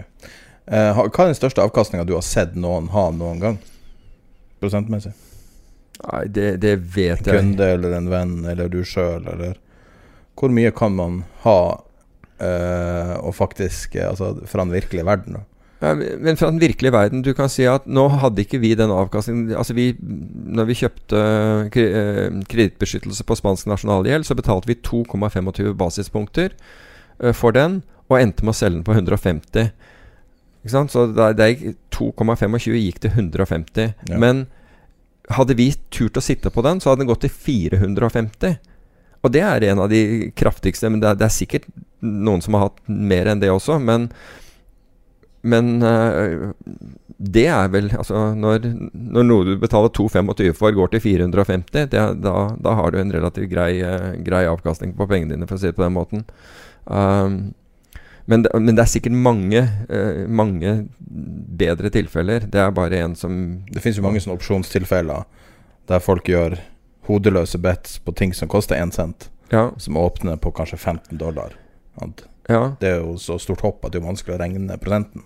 Ja, det, ja, nettopp. Altså Hvis du sitter og Men, det er ikke sant Hvor mye tør du å kjøpe en éncents op opsjon for? Ikke sant? Altså, ja, jeg kan Altså, du kjøper ikke den for 100 000 kroner hvis, hvis det er 99,9% sjanse for at du, du taper de 100 000 kronene. Det, er, det, er, altså, det må stå i forhold til et eller annet. Og det eneste det kan stå i forhold til, er at du mener at du besitter informasjon. Og det behøver, det, dette behøver ikke være innsideinformasjon. Det kan være rett og slett informasjon at du har analysert deg frem til at dette selskapet må bli kjøpt opp, eller dette selskapet må uh, Er det neste som, som Det er helt naturlig at dette får en, en kontrakt, fordi du, du kjenner denne industrien. Det er jo sånne tilfeller hvor, hvor, hvor dette, dette går. Ellers så satser jo ikke folk enorme beløp hvis de tror at det er nesten helt sikkert at de taper de pengene. Da, da vil du rett og slett ha en komfort Altså kom, en komfortlimit, ikke sant. Altså det er ikke billig. Ok, 10 000 kroner, da, ikke sant. Og så får du kanskje eh, Og så får du kanskje La oss si at 10 000 kroner ble til 100 000. Da angrer, angrer du selvfølgelig på at du ikke puttet en million inni der. Ja, det var jo Lance Armstrong hadde jo en sånn en. Han okay. investerte vel 10 000 i Uber. Og det ble til 300 millioner eller noe sånt. Hvis jeg Oh, husker. wow. det noe. Og det er det som er alle andres penger nå. Det har jeg nevnt, nevnt tidligere i en podkast. nei, det, det største jeg kan ha huska jeg har sett, uh, der jeg ser sånn screenshoter før og etter, er 150 000 prosent på en handelsdag. Wow. Altså en opsjon som bare er liksom basically null, Mm. som du da mirakuløst treffer. Som åpner på 13 eller 15 eller noe sånt. Wow. Ja. Det er jo da måtte, Jeg måtte få si regne for å være helt sikker på at det blir riktig prosent. ja. Eh, fordi at når du har så store utslag, så er det vanskelig av og til å ja, nettopp. Men, eh, men det er jo selvfølgelig er det, Stemmer det at 95 av alle opsjoner forfaller verdiløse? Ehm, nei, jeg tror for det første tror jeg ja, altså Hvis du tar alle opsjoner, men du må huske på at det er massevis av opsjoner som ikke handles, eh, og som handles veldig lite. Ehm, men det om en opsjon for, for, forfaller verdiløs eller ikke, det betyr ikke at ikke noen har fått verdi ut av dem i mellomtiden. Fordi du kan handle opsjonen frem og tilbake, kjøpe og selge den. eh, Ja, men altså, frem og tilbake. altså. Men du, ja, men tenk deg da altså hvis, du, hvis du i dag kjøpte øh, hvis, hvis du i dag kjøpte opsjoner på, på et eller annet selskap, Eller det, det, la oss si ta, ta et virksomhetsselskap. Det fins kjøps- og salgsopsjoner. Og så går da aksjen oppover. Da vil jo si at alle de salgsopsjonene høyst sannsynligvis forfaller verdiløse på et eller annet tidspunkt, som, som du har der. Hvis, hvis, aksjen bare går den ene veien. Så allerede der så har du halvparten av dem forsvinner, ikke sant? Verdiløse. Men det betyr jo ikke at den som, har, men den som f.eks. har kjøpt en av de salgsopsjonene og kjøpt aksjen, han har egentlig fått seg en kjøpsopsjon, han. For han har begrenset nedside. Mm. Så du kan si at for han kunne det være den billigere måte å kjøpe en kjøpsopsjon enn om han gikk i markedet. Så, så, jeg vet at folk opererer med disse, men, men, man tenker ikke over helt eh, hva man sier. og Noen, noen bruker det som et argument. Det er bare å utstede opsjoner, for de aller fleste forfaller verdiløse. Ja, men når du utsteder en opsjon, du, det, det, meste du kan få igjen når du utsteder en opsjon, er den premien som noen betaler deg for opsjonen. Men risikoen din er uendelig mye større enn det. Mm. Så det er det du må jo en måte, Dette er jo så asymmetrisk som, som, det kan bli. ikke sant? Du kan få 10 cent for en opsjon. Tenk deg den som selger en opsjon da for 1 cent eller 10 cent, og som da må dekke seg til 200 dollar eller et eller annet sånt. Da, da, da, da spiller det ingen rolle om, om, de fleste opsjoner blir verdiløse. Det er bare den ene som, som gjør at du blir båret ut hva du syns om uh, den statistikken som snakker om størrelsen på derivatmarkedet.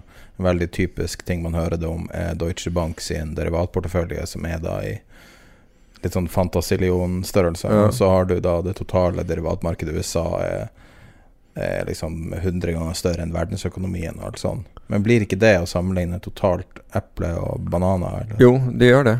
Eller eple og atombombe? Jo, de gjør det. Men i tilfelle Deutsche Bank så er det jo det der at de har så mye derivater på, på bøkene sine som ikke har vært oppgitt, altså som ikke har vært, vært uh, tatt hensyn til. Altså forpliktelsene ved, ved derivatene. Mm. Det var jo det som var greiene i, med Deutsche Bank, fordi de var store utstedere. Men det er ikke spesielt på markedet som helhet, altså som størrelse. At det er Det reflekterer ikke en nominell verdi, Nei, selv om de, de sammenligner det nominelle. Og det er noe som jeg tok opp for mange år siden i podkasten, så den som har hørt på lenge, har hørt det før. Men at det finnes en teori om at uh, den, uh, den, mest kjente bobla i historien, uh, som var tulipanbobla mm. i, i, Nederland, at den nok sannsynligvis er veldig overdrevet med historiske mm. perspektiver, fordi at de tallene du hører, er derivatmarkedet. Ja. Så når du hører om at en hel by gikk sammen for å kjøpe én sånn løk, eller hva det var Eh, sånn at, at, at du, du, får på en måte et sånn helt forvrengt bilde av hva som faktisk var tapt. da. Mm. Ja, altså hvis, hvis, du ser på derivatmarkedet, så er jo det alt som er avledet av f.eks. aksjer eller aksjeindeks. Og det er jo ikke bare opsjoner, men det, det er future-kontrakter, det kan være øh, varianseswapper, det, det, er en hel haug Det kan være utbytteswapper. Det er ufattelig mange produkter her.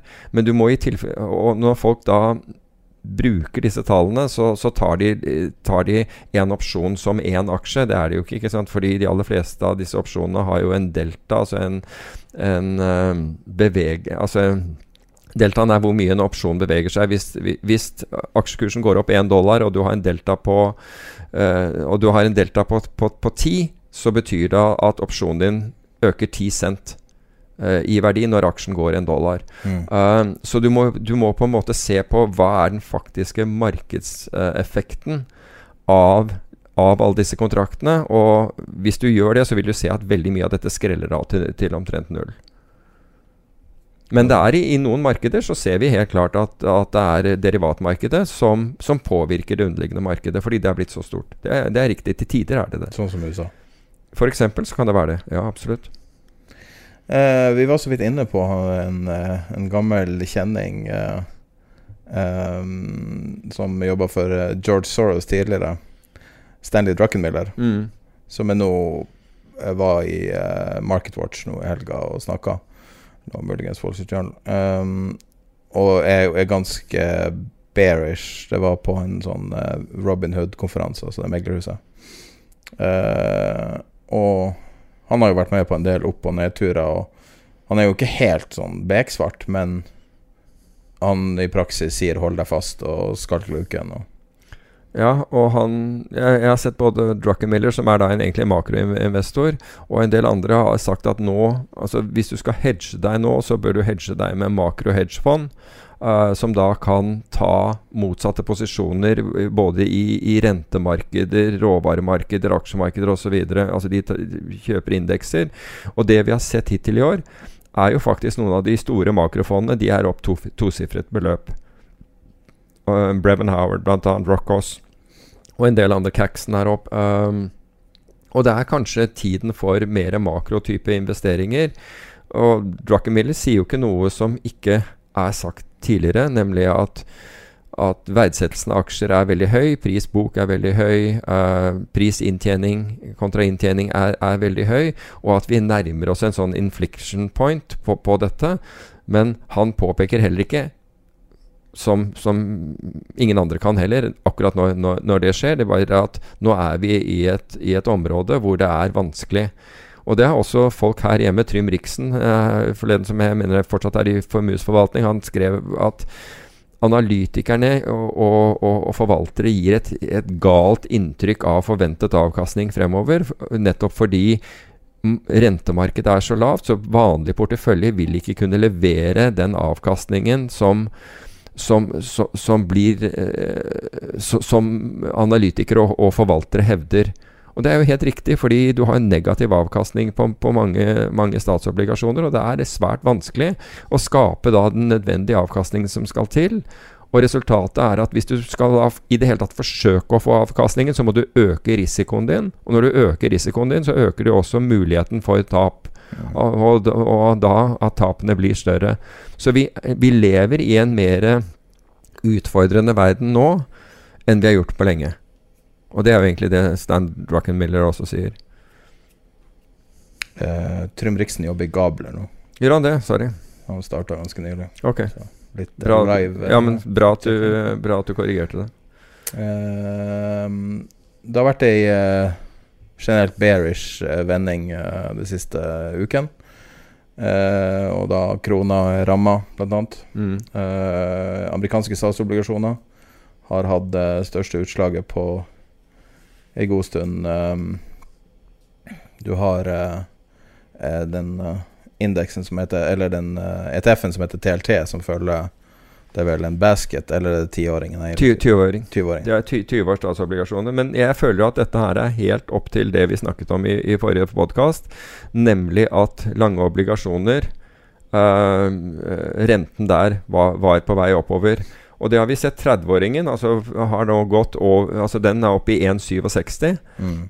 Den var, i, den var, så lav som 1,02 i mars, men vi snakket om det i forrige episode, at vi så tendens til det, og at det ville være signalet på, på, på at vekstaksjer eh, Hvis du husker forrige episode, at vekstaksjer ville begynne å falle i forhold til verdiaksjer. Og på de siste to ukene altså, så har, så har eh, vekst forhold til verdi falt med 7,7 Så det er en ganske betydelig eh, korreksjon. Og vi har sett eh, rentekurven bli brattere. altså eh, Rentekurven mellom eh, toåringen og tiåringen i USA den, den, har, den, har, gått fra 0,13 til 0,72 eh, Så du kan si at vi er kommet i en, en, en, situasjon nå hvor USA trykker og trykker ob obligasjoner, men man er ikke da villig til å ta tak i disse på på, på, på, de lave nivåene som har vært. Altså Man har ikke vært villig Det, det snakket jeg også om. Altså det, det mer obligasjoner du trykker, altså det mer gjeld du tar opp det, på den samme egenkapitalen, desto mer utvanner du et selskap, eller i dette tilfellet en nasjon. ikke sant? Altså Kredittmessig blir det utvannet. Og det vi har sett nå, er jo nettopp at rentene, altså på lange obligasjoner, har begynt å stige. Tiåringen har steget i USA, eh, og 30-åringen har steget i USA, og er helt avhengig nå at det kommer inn At man begynner å, å, å, å gjøre nye, nye, kvantitative lettelser hvis man skal holde dette her i sjakk. Ellers så vil USA og andre måtte begynne å låne dyrere. For USA på en måte er, er toneangivende i dette her. Vi ser jo fortsatt at Europa er lav og med negative renter, men der er også økonomien vesentlig dårligere. Nå snakker jeg EU. Men uh, hvis vi da bare ser enda litt dypere på statsobligasjoner i USA, så nå har de vel gjeld uh, Jeg vet ikke om det blir er det 26 000 milliarder eller 27 000 milliarder. Og av det så er ca. 7 milliarder holdt av, av utenlandske nasjoner. Mm. Altså Japan er den største, Kina, UK faktisk. Irland uvanlig stor. Eh, og så eh, klatre nedover, og Cayman Island er ganske stor. Um, og da er spørsmålet Da har du ca. 20 milliarder da, som ikke er holdt av utenlandske. Man skulle tro at en veldig betydelig del av det er Fed. Um, kan man ikke bare nulle det ut? Hvordan skal de gjøre det, mener du? Ha en eh, jubilee? Og bare Debt jubilee. Ja, og, og hva tenker du at man skal gjøre da? Bare si at Bare fuck alle sammen. Og da kollapser verden Altså Tenk deg hvis du hadde gjort det. Da, da kollapser verdens eh, monetære system. Gjør du det? Ja, altså hvis USA skulle gjøre det Ja. Da kollapser det, det, det, det monetære systemet. Så Men det er fortsatt vanskelig å forstå hvordan de kan låne penger av seg sjøl. Jeg forstår jo at de bare trykker penger. Det er jo det de De trykker penger, og, og, så, og, så, kjøper, eh, og så kjøper de dem. eh, Altså kjøper Federal Reserve Ja. uh, en del av den gjelden. Helt riktig. Men man har vært avhengig av Kina, Japan og en hel del andre. Altså Norges Bank, altså NBIM, kjøper jo, kjøper jo fortsatt eh, De kjøper jo i, i, i forhold til indeks, og de kjøper jo fortsatt amerikanske, eh, amerikanske statsobligasjoner, de. Oi, sorry. Så jeg tror at uh, Altså for USA å gjøre noe sånt nå, da, da, da kollapser systemet. Da, da virkelig kollapser systemet. Da er verden slik vi kjenner den, da er den, den over uh, finansielt. Bare lurer, liksom. Altså hva alternativet de har. For de har jo definitivt ganske mye alternativer når det holdt lokalt. Fordi at tidligere så var jo det problemet var at land som Kina hadde en, en sånn eh, kreditormakt over USA. Men det har de fortsatt. Altså hvis, Men det er 1000 milliarder av 26-27. Ja. Det er jo fortsatt Det er jo mye, mye mindre enn det var. det er mye mindre, men hvis kineserne nå gikk Altså hvis kineserne Men det er jo ikke i kinesernes interesse å gjøre. Men hvis de gikk heavy-handed ut og begynte å selge amerikanske eh, stat, hva er, hva er effekten av at de begynner å selge amerikanske statsobligasjoner? Jo, det er at renten går opp. ikke sant? Altså Da går kursen ned pga. eh, på grunn av det økte tilbudet. Noe som gjør at renten går opp. Renten er, virker motsatt vei av kursutvikling på, på obligasjoner.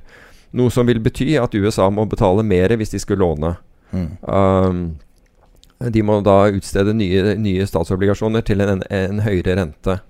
Så um, Og igjen, da skal du ha du, skal tross alt ha midlene. Hvordan skal du få de? Jo, gjennom skatter og avgifter og den type ting for å kunne betale dette her. Ellers så må du bare fortsette å trykke og trykke og trykke penger. Hvilket er det som man har gjort til nå, men du begynner å nærme deg et eller annet hvor det ikke er. Så jeg, jeg tror ikke at det skjer, for å si det på den måten. Da, Norge, eh, NBM holder for øvrig 701 milliarder kroner i amerikanske statsobligasjoner. 701 milliarder 701 milliarder kroner, ok. Igjen, Så det er under 100 milliarder dollar. 79 andre. Ja, er det 79 milliarder dollar de har? Å ja, akkurat. kroner er ganske svak nå. Ja. Ja, det er den også. Så, men det, men det blir, eh, blir spennende å se. Nå, nå blir det jo veldig spennende å se de neste to dagene, eller neste tre dagene, hva vet jeg. neste måneden blir jo veldig eh, Blir jo interessant altså å se i, det, i, i dette her. Nå, Tenk at USA har 4, det er 4,5% av verdens befolkning. mm, Og det er så mye opptøyer rundt her. Og så er det Altså Tenk på Indonesia. Hva var sist gang du hørte noe fra Indonesia? liksom? Ja. Det er jo svært land, det. Ja. Eller Nigeria, for Svært, ja. Indonesia er kjempestort. Altså i, befolkning. Så. Ja, med befolkning, men også i areal, ja, det- det- areal i og med at det er, det er øyer. Ikke sant? Altså, veldig mye av dette er, er, er spredt utover. Men India. Ja, vi hører jo aldri noe om indisk politikk. Men her skal vi følge hvert hvert lille Men nå, hint nå, er nå er ikke indiske rupi en reservevaluta heller, så vi må liksom sette det litt, litt i, i, i perspektiv. USA er viktig, og nå skjer det noe av det viktigste som hvert fall for de neste fire årene i USA. Det skjer nå i løpet av noen dager. Ja, altså Jeg tror ikke at det blir altså Ja, jeg, jeg tror det er viktig Jeg tror det er viktig for, for, for spørsmålet om nasjonalisering kontra internasjonalisering. Det tror jeg. Ja. Det tror jeg virkelig. Altså jeg, jeg, tror at hvis Trump fortsetter, så er det neste han kommer til å gjøre altså Nå har han lagt Kina som ho ho hoggestabbe. Um, jeg tror at han kommer til å vende, vende øksa mot, mot Europa jeg, i neste omgang. Hvis du sammenligner den talen Paulsen holdt i Senatet, eh, der han snakker om at eh, vi ikke nødvendigvis kan eh, eh være sikre på at det er melk i butikken på mandag, eller penger i minibanken, hvis dere ikke bailer ut med da 700 milliarder. Mm. Eh, hvis du sammenligner den situasjonen, altså den anspentheten der, som er kanskje mer eller mindre den største frykten som de fleste av de politikerne nok har følt på, skal jeg tro, uh, med situasjonen nå, hva tror du er viktigst av de to? Jeg, jeg, tror situasjonen nå det, Den drar seg ut over tid. Altså nå, nå, tenker jeg ikke på Altså Valget blir valget, men, men du kan si Hvor viktig historisk perspektiv om 20 år, liksom? Ah. Finanskrisa er jo glemt. Ja. Tallene er så ja, men, nå. ikke sant? Jo, men finans... Enron er jo ingenting. Helt riktig. Men finanskrisen Det er bare fordi vi har kicked the can down the road. Mm. Fortsatt å gjøre det. Vi har aldri tatt oppgjøret. Det er jo årsaken til det. Vi har jo bare fortsatt å øke opplåning og ikke tatt, tatt konsekvensene av de avgjørelsene vi har gjort. På et eller annet tidspunkt der fremme Altså MMT eller ikke, eh, men ja Så må man Så vil konsekvensene komme inn. Um, og så er det jo spørsmål hva har du klart å gjøre i mellomtiden. Vekst har du i hvert fall ikke Se på Europa. Vekst har du i hvert fall ikke klart å, å, å få til noe, noe, særlig. Og det var før, før covid. Um, USA hadde jo, for de hadde jo klart å, å få, få, til en, en, god del. Altså De klarte jo å, få snudd dette etter, etter uh, finanskrisen. Og hadde jo da såpass bra at de hadde trukket tilbake igjen uh, stimulitiltakene. Uh, men Det føles som en annen verden. Altså. Men, det, ja, men, nå er, men, nå er, det liksom Nå har vi jo mer stimuli. Altså Trump har jo brukt mer penger og trykket mer penger enn noen tidligere. Men det vil man jo si om alle presidentene, når man da er en sånn race to uh, jo, men, jo, men, uendelig gjeld, liksom. Ja, så vil jo alltid den siste presidenten Men her er det helt eks, eh, eksponentielt. Helt eksponentielt. altså, ingen har vært i nærheten. Altså, man hadde balansert budsjett med Clinton i 99, tror jeg. Eh, da var sist gang budsjettet var balansert. Eh, og så kom da 2001, og etter det så har man vel ikke hatt det. Altså, da mm. mener jeg 9-11. Ja. Eh, og etter det så har ikke Altså, det var da man begynte å se en betydelig oppadgående kurve. Mm. Eh, ta bare kjapt det siste spørsmålet fra lytter om ordrealgoritmer. Om det er hva er hensikten, og om det er markedsmanipulasjon. Ja, det kom fra en, fra en lytter som lurte på dette. Men altså ordrealgoritmer De aller fleste bruker ordrealgoritmer for å ikke påvirke markedet. For at ikke high frequency tradere og andre skal kunne lese av hva, hva de, de, gjør. Det var en som sa men er ikke det markedsmanipulasjon de driver med? Nei, det er ikke markedsmanipulasjon. Altså, det vil det først være hvis du prøver å, å altså, Hvis du gjør Markedsmanipulasjon er når du legger inn ordre som du ikke har tenkt å handle på, for å si det på den måten. Men det, det skjer ikke med disse algoritmene. Et eksempel på en uh, mest uskyldig av disse algoritmene er det de kalles iceberg, hvor du ser kanskje bare en liten Altså du, det du ser i ordreboken f.eks. på selgeren La oss si at du ser 100 000 aksjer på selgeren, og så begynner man å, å, kjøpe av de 100 000, men du ser at de 100 000 bare, det fortsetter bare å ligge 100 000 der. Og det vil rett og slett si at, at den algoritmen, som er den enkleste av alle ordrealgoritmer, bare for å si det, den fyller på etter hvert som den blir uh, så, som den, den uh, får solgt, helt inntil den er ferdig. Det er en enkel uh, algoritme. Den vises ikke hele tiden i markedet, fordi hvis de viste det, det totale beløpet, som la oss si var 5 millioner aksjer, så, så, ville man kanskje ikke få handlet der. Mm. Um, mens andre leser av ordreboken og sier at ok, nå kan jeg legge inn mer, nå må jeg være forsiktig osv. Det er mer eh, intelligente algoritmer. Men de, de skal, er ikke ment å, å, manipulere markedet, for å si det på den måten.